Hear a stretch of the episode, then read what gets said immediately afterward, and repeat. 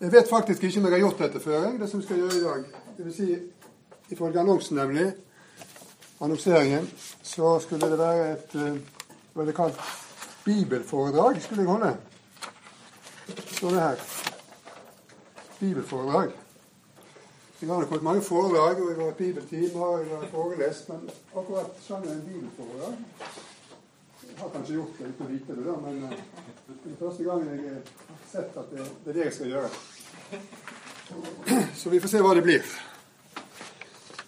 Men jeg har da også fått oppgitt, oppgitt tekst, som det heter på doktordisputasser. Så skal man forsvare over oppgitt tekst av og til. Og det er da heldigvis ikke hele roman 1, som det kunne høres ut, ut fra det Sondre sa, men 1.18 FF, som det står noen steder. Det gir meg også en viss frihet. FF betyr iallfall minst to vers derfra. Men eh, det kan også bety ut kapitlet. Og det, det er vel slik det er ment, tror jeg. 1.18 til 32 er den teksten vi skal se på i enkelte deler av den iallfall. Det blir noen dypdykk, men det er klart vi kan ikke gå eksegetisk fra vers til vers her. Da må dere bli værende i natt, kanskje. Jeg eh, regner med at alle har teksten, selv i denne forsamlingen, foran seg. Jeg har kanskje mobil eller noe sånt, men jeg har trykt den opp med litt farge her.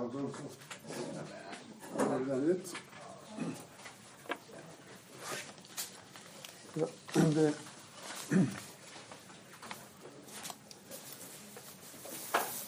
Ja, velkommen til nye. Siste ankomne. Jeg har ikke gått glipp av noe foreløpig. Jeg har sagt noe, men ikke på glipp av. Jeg eh, kan bare forklare litt den eh, det som er øynefallende på dette, denne utskriften her. da. Det er jo at jeg har eh, understreket med farger to begreper som er På denne måten ser vi hvor viktige de er. Det blir nøkkelbegreper i denne teksten. Tre ganger er det tale om at Gud overga menneskene til noe. Og tre ganger er det tale om en ombytting av noe, noe som blir byttet ut mot noe annet. En skjebnesvanger ombytting. Så det er altså da i omtalen av Guds straff som dette avsnittet handler om, så er det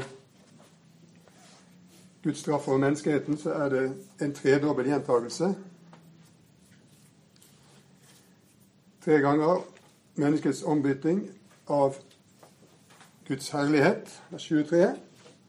Guds sannhet, vers 25. Og eh, den naturlige seksuelle omgang, vers 26.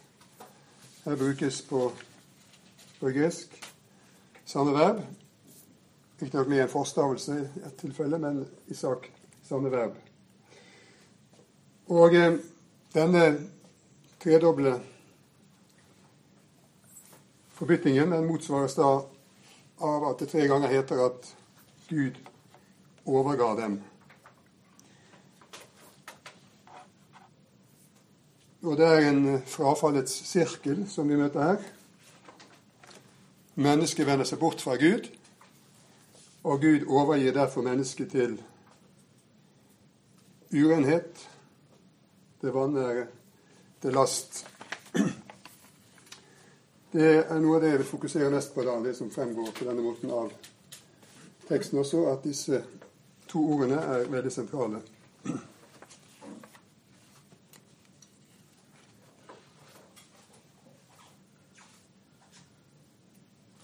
Vi er altså i begynnelsen av romerbrevet,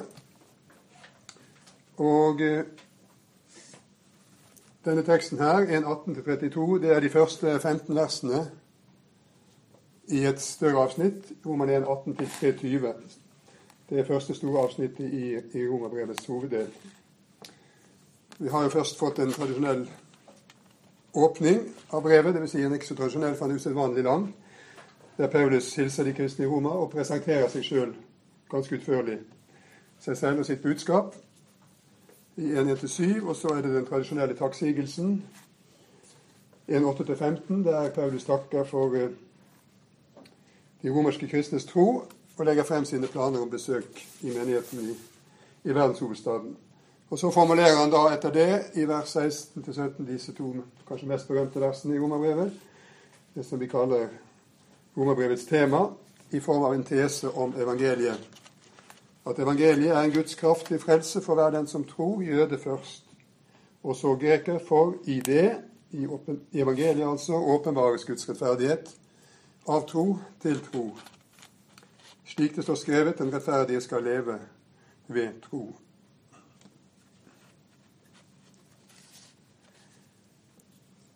I 1.18-3.20, da, som eh, våre vers er en del av, så gir Paulus det jeg gjerne kaller en tilstandsrapport om, eller vi kan også kalle det med et annet moderne ord, en diagnose av den tragiske og håpløse situasjonen som menneskeheten, alle mennesker, jøder som grekere, befinner seg i. De er underlagt syndens makt. De er under syndemaktens fangetilværelse. Romerne 3,9. De er under Guds vrede og dom.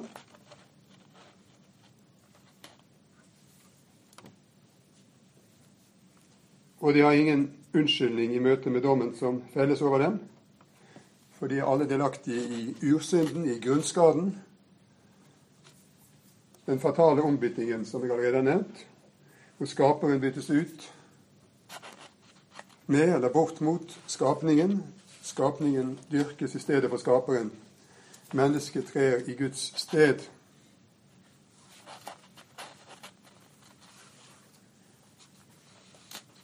Nå står det i Bibelselskapets oversettelse en overskrift over dette avsnittet. Guds dom over hedenskapet. Det er nok riktig. Men eh, den er kanskje ikke fullt utdekkende. For det er nok ikke bare hedningene som anklages i 1.18-32, selv om de nok er de primære adressatene. Men eh, også jødene er faktisk inne i disse versene, selv om de jo først kommer direkte av omtale i kapittel 2. Men det er flere momenter i teksten som vi ikke kan gå inn på her, som eh, som viser, mener jeg iallfall, at eh, også jødene er implisert som adressater. Og i alle fall så viser disse versene det universelle frafallet fra Gud, det være seg Israel eller andre folkeslag. Så adressatene og anklagenes adressat, det er da i dette avsnittet menneskeheten generelt. Jødene vil, vil nok riktignok oppfatte mye av den fordømmelsen som eh, er omtalt her, fordømmelsen av ugudelighet og umoral, som en fordømmelse av hedenskapet, noe, noe som ikke gjaldt dem. De vil være enig i denne fordømmelsen. Men eh, om de av den grunn skulle følt seg på den sikre siden, så, så torpederer jo Paulus deres sikkerheter i, i kapittel 2 hvor han også viser at jødene rammes av Guds dom. For selv om de har loven og dermed fullkommen kjennskap til Guds vilje, i motsetning til hedningene, så følger de den ikke. De lever ikke etter loven. Og det står ikke bedre til med dem enn med alle andre. Alle er i samme, samme båt.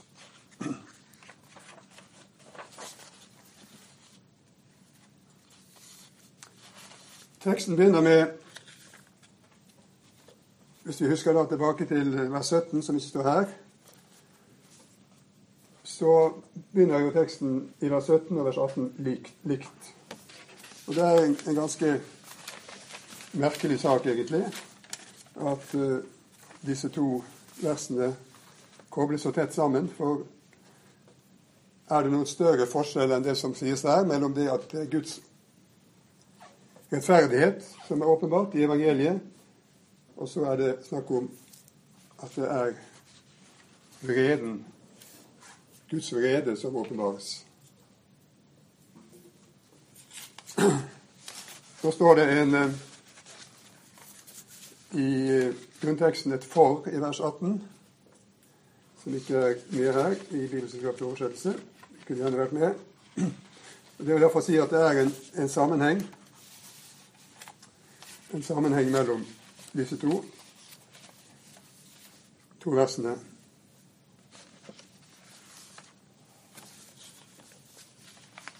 Hvordan skal vi forstå den?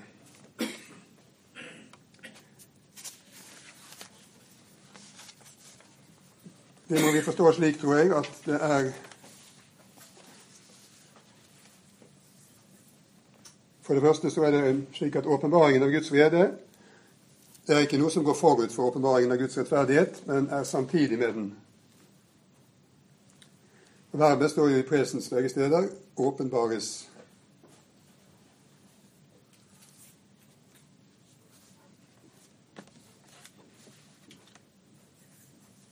Gud, Hvis det står et 'for' her i vers 18, som det gjør, så må vi lese det slik Gud har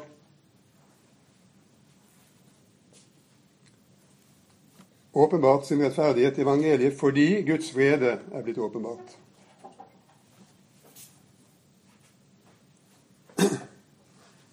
Og evangelieforkynnelsen, den er altså har også noe med Guds fred å gjøre.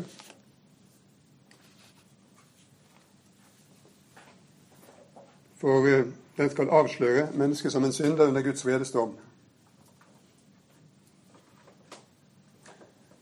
Slik var jo situasjonen før åpenbaringen av evangeliet kom, men eh, ved evangelieforkynnelsen så er denne situasjonen blitt radikalisert. Og både synden og Guds dom over dem trer denne klarere frem.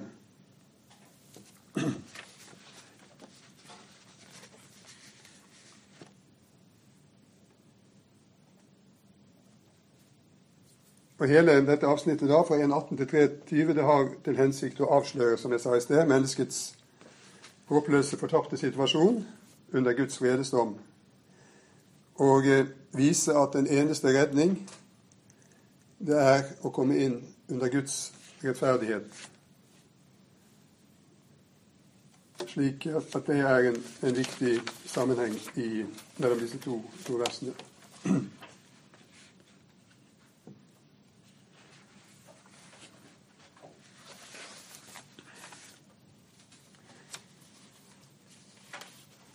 Nå skal jeg ikke da gå i detalj på, på enkelte ord her, men jeg går til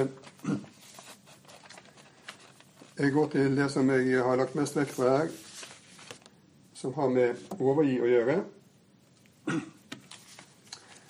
Og da er det én sak som vi må prøve å få på plass først. Og det er en tenkning som ligger til grunn her, gammeltestamentlig jødisk, og ikke bare det, også en fororientalsk tenkning, egentlig, som vi møter veldig mye av i Bibelen, og som også Paulus her på en måte har som forutsetning. Og det er forholdet mellom en handling og handlingenes følge, følgen av handlingen.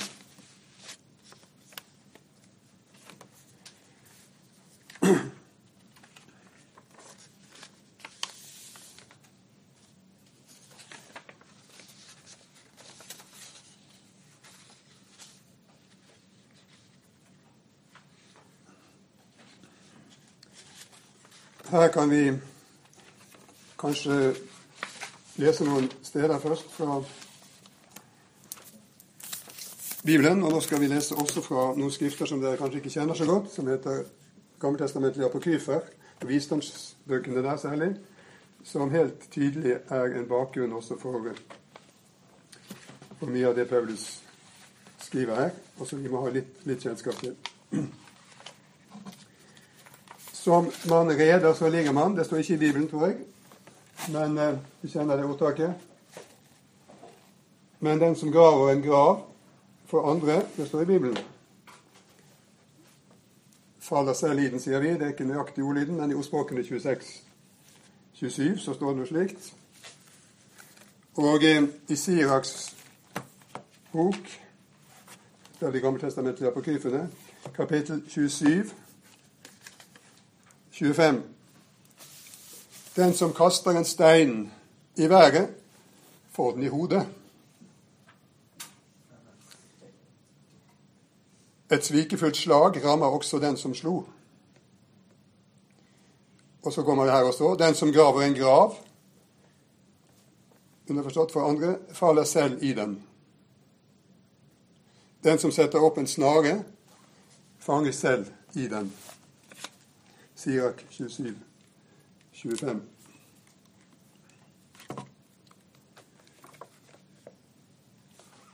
Esekiel 22, 31, hvor det nettopp er tale om Guds vrede, tematisk som i Romane 1, så heter det at Gud at han lar folkets gjerninger ramme dem selv. Eller kommer over deres eget hode, som er den billedlige bildet som brukes der, men altså det rammer dem selv. Jeremia 2,5 Folket som gikk bort fra Herren og fulgte tomme guder, ble selv tomme, eller tomsinger. Eller en annen oversettelse folket som holdt seg til udugelige guder, ble selv udugelige. Jeremia 14, 16, om Herren som øser folkets egen ondskap utover dem.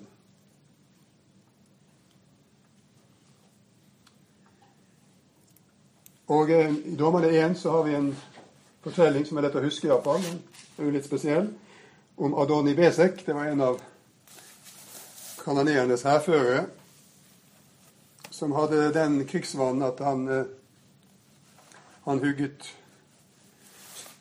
trær, og stort, stortærene var det vel, og tommelfingrene av sine fiender. Det var for så vidt relativt humant det i den, på den tiden.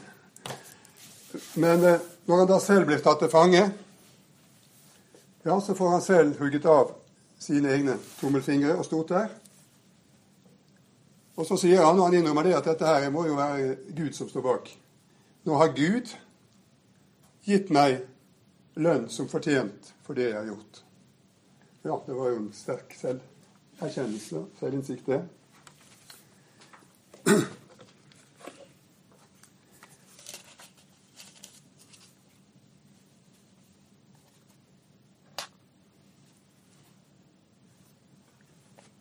Vi har dette i klassisk, kanskje den aller klassiske form i Visdommens bok, kapittel 11, vers 16.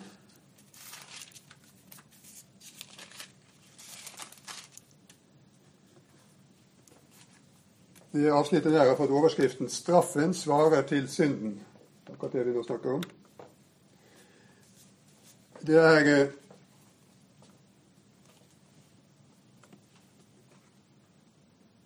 tale om at mennesker hadde begynt å i fare vill og begynt å dyrke umelende slanger og andre avskyelige skapninger uten fornuft. Så straffet du dem ved å sende over dem en mengde slike fornuftsløse dyr. Og Så kommer det som programmatiske utsagnet her. Slik skulle de skjønne at med det et menneske forsynder seg, med det skal det også straffes. Du hadde makt, sier forfatteren her om Gud. Du hadde makt til å gjøre det annerledes, du som skapte verden. Du kunne sendt mot dem en mengde bjørner eller ville løver. Kunne ikke det vært en passende straff? Eller skape nye dyr og, som kunne spy ild osv. Fantastisk skildring her. Men konklusjonen men du gjorde det slik at straffen svarte til synden i mål, tall og vekt. Straffen svarer til synden.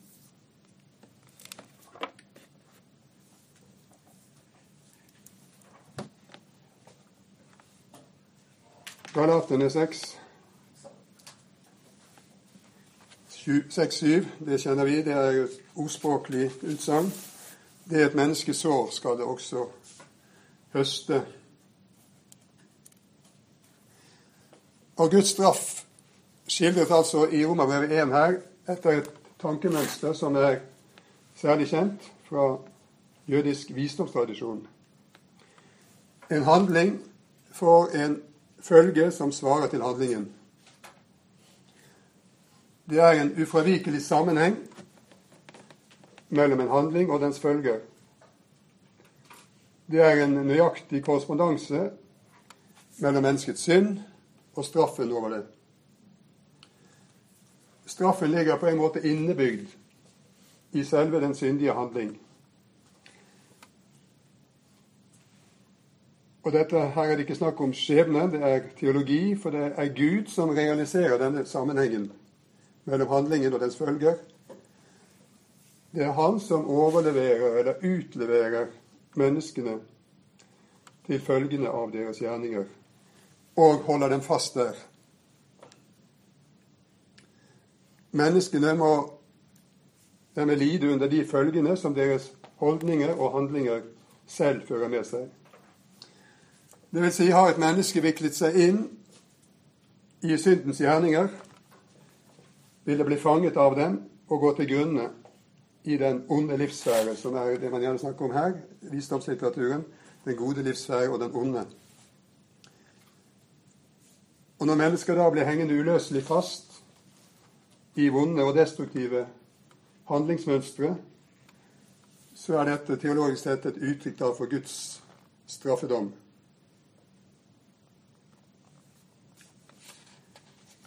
Vi kan vel også her bruke ordet bumerang. Jeg vet ikke så mye om det, men jeg vet det er et kastevåpen som eh, hvis man kaster riktig og våpenet er riktig konstruert, så kommer det i en fin, vakker bue tilbake til avsenderen. Og eh, Det er en sånn bumerangeffekt som vi har, har for oss i dette stykket som vi nå taler om.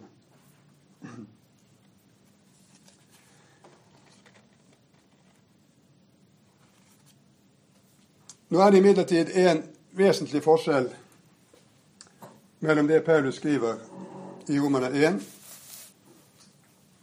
og eh, de tekstene vi har sett på i Gamletestamentet og i mellomtestamentlig jødedom, om at Gud overlater menneskene til følgene av deres gjerninger. I disse tekstene er jo straffen for frafall fra Gud den er tegnet veldig konkret og lidelsesfylt. og sett fra den straffedes perspektiv. Jesaja 38, 13 heter det om Herren Du prisgir meg, altså prisgir er et annet ord for å overgi meg til. Du prisgir meg fra morgen til kveld. Og det er tydelig at det gjør Herren så det merkes. Men i Romerne 1 så er følgen av å ha vendt Gud ryggen ikke sett ut fra den straffedes perspektiv primært, men uh, ut fra den som taler og skriver her. Altså det er et eh, mer objektivt perspektiv. Og vi må skjelne her mellom et subjektivt og objektivt perspektiv. Det gjør Paulus her i Roman 1. For eh, i et subjektivt perspektiv slik som mennesket da opplever denne, dette som teologisk er beskrevet som Guds straffedom, Guds vredesdom, så fortoner ikke straffen seg nødvendigvis som noe negativt.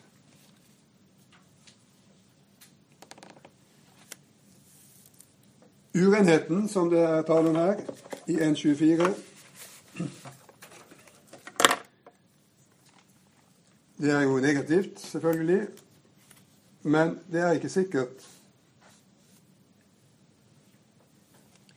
at det oppleves subjektivt, moralsk. Iallfall ikke umiddelbart som urenhet, men kanskje som det motsatte, som renhet. De skammede lidenskapene som er nevnt her i vers 28, de oppleves ikke som vanærende, kanskje, men som positive og stimulerende. den sviktende dømmekraften, som, også, som også er noe som mennesket overgis til. 1.28. Og som er beskrevet som udugelig. Den oppleves kanskje ikke som det. Den oppleves kanskje som intakt og godt fungerende. Det radikale er altså her at menneskene kan føle det godt og rett å være overgitt til Guds straff. De handler av hjertets lyst, 1.24, når de lever i synd. I hjertets lyst.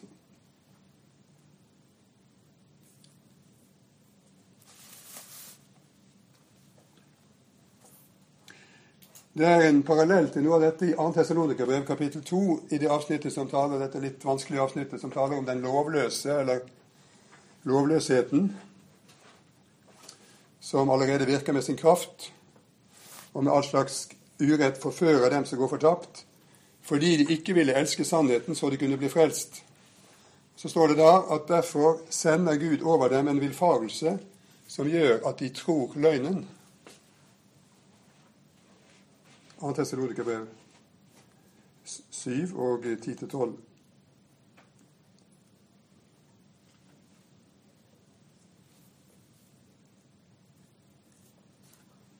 De tror ikke sannheten, de elsker ikke sannheten. Og om disse skriver da Paulus i dette brevet at de hadde sin glede i uretten. Altså Det var ikke noe de led under, men noe de hadde sin glede i, som de opplevde fint.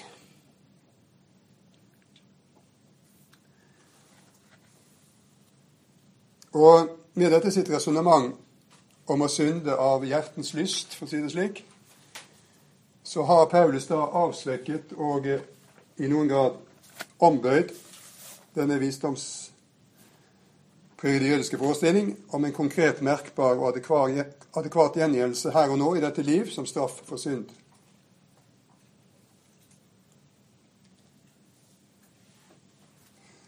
Gud reagerer nok aktivt mot synden. Han griper inn overfor menneskets frafall og forfall, men denne inngripen er da, ser det ut til ifølge Paulus, skjult og i dette liv trengs det derfor åpenbaring, et åpenbaringens lys for å se hva som er syndens katastrofale følger. Lyset fra Guds åpenbaring i Jesus Kristus. Så i, det lyset avsløres det at når mennesket løsriver seg fra Gud, så er Guds reaksjon ikke det som vi ikke skulle forvente, at han setter en stopper for dette han må vel kunne bare gjøre et eller annet som gjør at det settes en stopper for det, for ugudeligheten. Men eh, tvert om at han lar mennesket få gå gudløshetens vei mot undergangen, i den tro at det har frigjort seg fra Gud. Han overlater altså mennesket til seg selv og hjertets begjær og lyster. Og først på dommens dag så vil straffen iverksettes på en måte som er åpenbar for alle og enhver. Og den endegyldige dom vil da vise seg å være en følge av straffens følge i dette liv.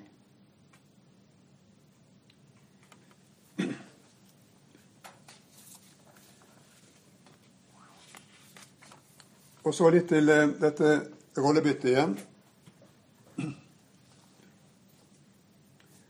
Paulus gir altså konkrete eksempler på disse fatale ombytningene.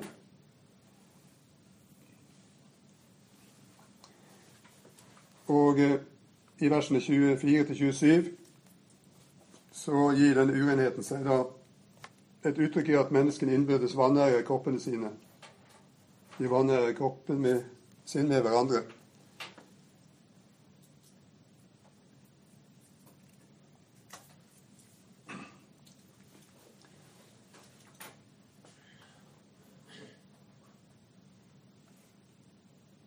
I, eh, det heter at de byttet bort sannheten med løgn. Kan det være en henspilling med den enkelte kommentatorer på Sodomas synd? For om den heter det i et jødisk skrift, Naftalis testamentet, i de tolv patriarkers testamentet, det heter det at Sodoma byttet sin naturlige orden og handlet lovløst som hedningene. brukte akkurat det samme ordet om bytte. Rollebytte i den vertikale skaperrelasjonen mellom skaper og skapning resulterer i et nytt rollebytte, et rollebytte på det horisontale plan. Også i menneskers innbyrdes kroppslige seksuelle forhold. Det naturlige samliv mellom mann og kvinne ombyttes med unaturlig kjønnsliv.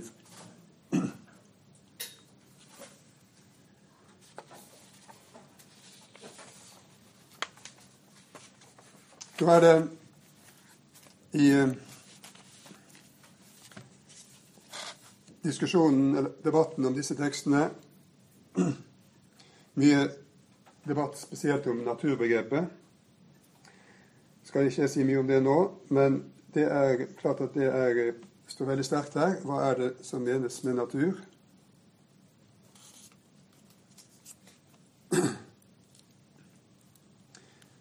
En kjent boktittel for mange år siden var jo da 'Skapt sånn'. Eh, Det er jo Feilen med en slik uh, tittel og slik tenkning er jo da at den faktiske natur forveksles med Guds skaperverk. Og der det på feilaktig vis sluttes umiddelbart fra våre menneskelige følelser til Guds bestemmelse med våre liv.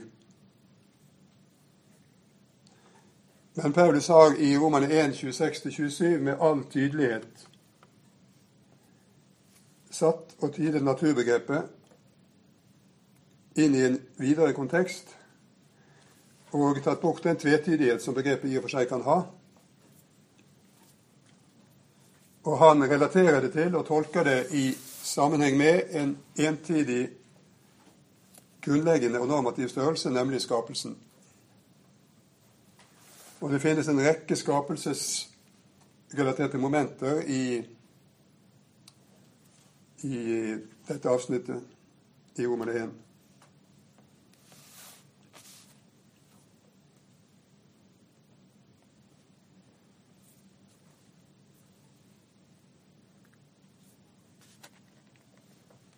Og Når det gjelder den eh, opplisting av synder som Paulus foretar en såkalt lastekatalog i slutten av kapittelet her, 1.29-32, så er jo det alt sammen bare symptomer på den egentlige grunnskade at skapningen har vendt skaperen ryggen. Det er det som lystes opp her, er tegn på skapningens universelle forfall og frafall når den ikke anerkjenner Gud som skaper. Og det som listes opp, det viser hvor dyptgående ødeleggelsen av skaperverket er, som følge av denne manglende anerkjennelse.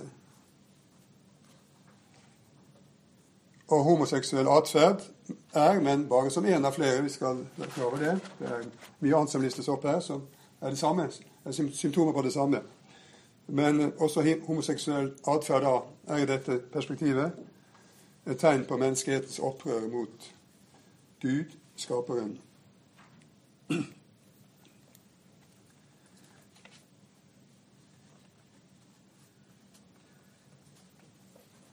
Og eh, bare enda et par momenter der om dette. I Romane 1, 27 og 28 så er det en terminologisk helt klar tilknytning til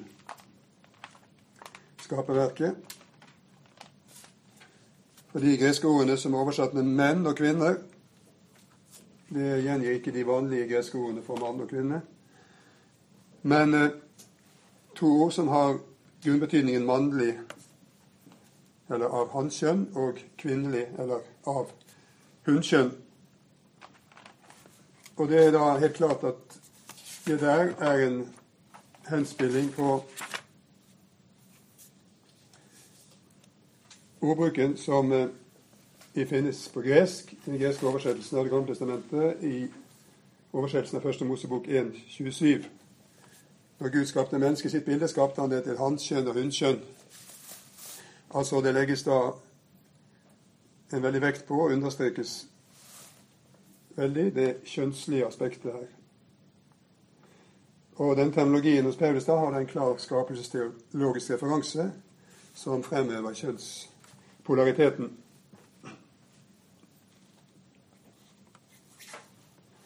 Og når det står kvinnene i vers 26 og mennene i vers 27 med, i bestemt artikkel, så knytter det tilbake til skapertanken. Det er kvinne og mann ikke som individ, men som art, som skapning, som fokuseres.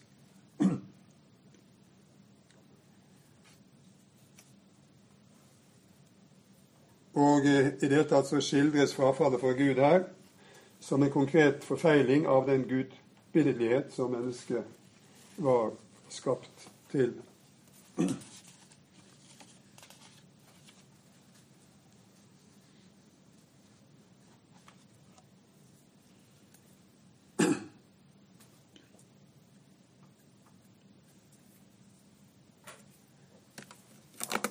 I Visdommens bok for øvrig så står det også et sted i kapittel 14, vers 26, det omtales homoseksualitet som en endring av skapelsen. Og oversettes iblant med unaturlig kjønnsliv. På samme måte som Paulus har det her, da.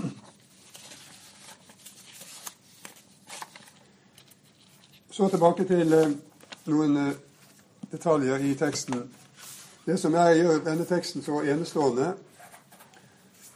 i bibelsk sammenheng, det er at Guds vrede skildres presentisk som noe som åpenbares. Det vanlige er at Guds vrede, som omtales ofte i Romerbrevet og andre steder hos Paulus, er en fremtidig størrelse. Og det finnes også fortolkere som mener at dette faktisk også her er en fremtidig størrelse. Det er bare det at det er et slags profetisk perspektiv. Det tales som om det allerede er inntrådt, men det sikter egentlig til den endelige dom. Eh, det der tror jeg ikke så mye på. Jeg mener at vi skal ta den presens som står her, for face value, at det er presentisk. Og at vi må, lese det slik.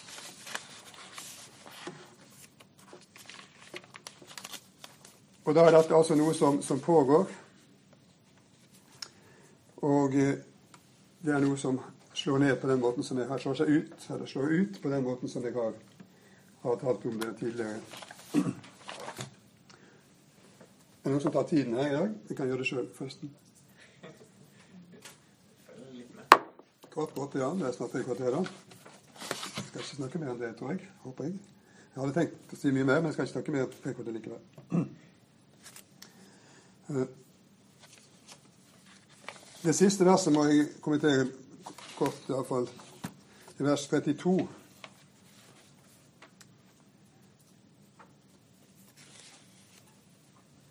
Altså etter dette, etter, etter dette synderegisteret, da, hvis vi kaller det det, som er en flom av ord her om ulike laster.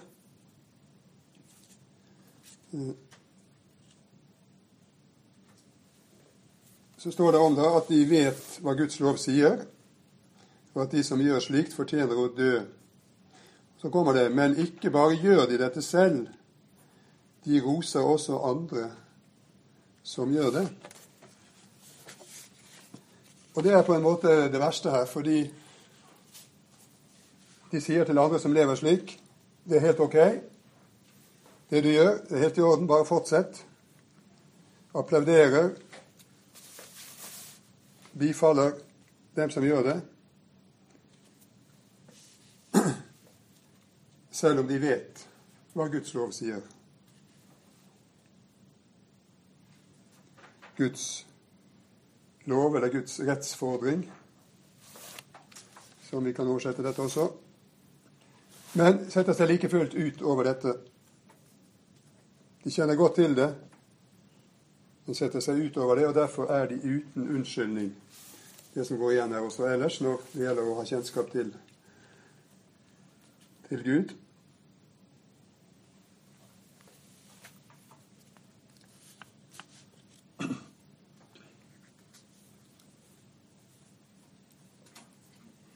Men ellers så vil jo denne, disse siste versene da vise også at vi er alle delaktige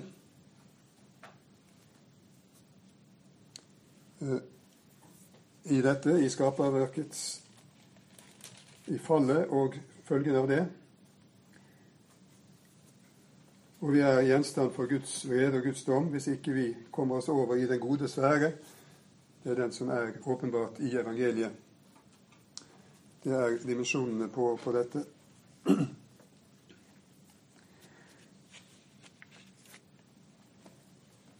Jeg vil nevne par detaljer til. Vers 28.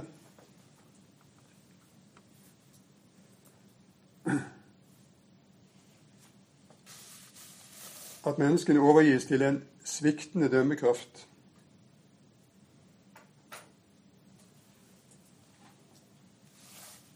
Deres sinn, deres tanker, deres dømmekraft blir korrupt, korrumpert. Den svikter den fungerer ikke etter sin hensikt. De kan ikke lenger vurdere hva som er etisk rett og riktig, sant og galt.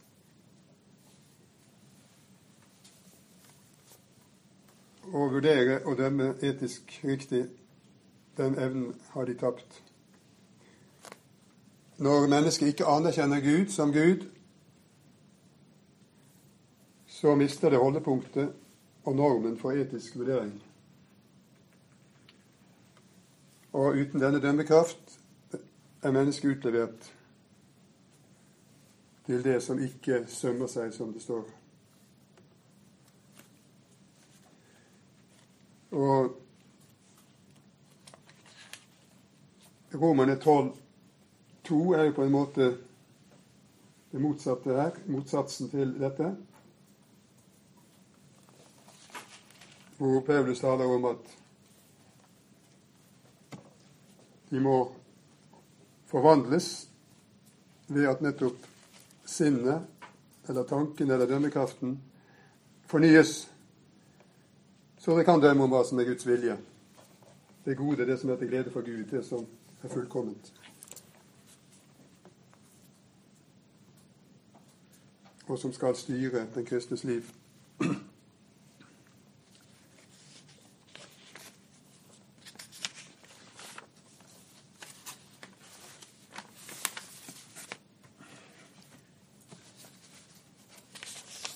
I um, en leder Jeg vet ikke om noen av dere fikk med dere den i Bergens Tidende i sommer, 4. juli. Så er overskriften 'En ny åpenbaring'. Den er nok mye dypere enn skribenten sjøl er klar over. Og mye sannere. Litt sånn som Kaifas, dette her. Jeg visste ikke hva han snakket om, men det var en dyp sannhet. Og Det står heller ikke definert eller noe i selve, i selve artikkelen her, men det går altså da at nå har Kirken endelig begynt å følge med tiden. Også ikke minst da i, i homofilispørsmålet. Eh, Kirken er i ferd med å tilpasse seg et mer liberalt samfunn, står det her. Og dette er prisverdig. En voksende liberal bevegelse både på det kristne bakkeplanet og i Kirkens øverste ledelse. Dette så man bl.a. i april i år på Kirkemøtet, da det sa ja til likekjønnet ekteskap. Og dette er den nye åpenbaring, som Bergens Tidende kaller det. Og det er jo nettopp det. Det er en helt ny forståelse av åpenbaringen, som ikke er den bibelske åpenbaring, og det som vi leser om her i 1, 17 og 18 i Romerbrevet 1. Men eh, det er mennesket mennesker som selv lager sine egne nye åpenbaringer. Og det beste med dette, ifølge Bergens Tidendes leder, med moderniseringen av kirkesamfunnet, som de kaller det, er imidlertid at endringene kommer innenfra.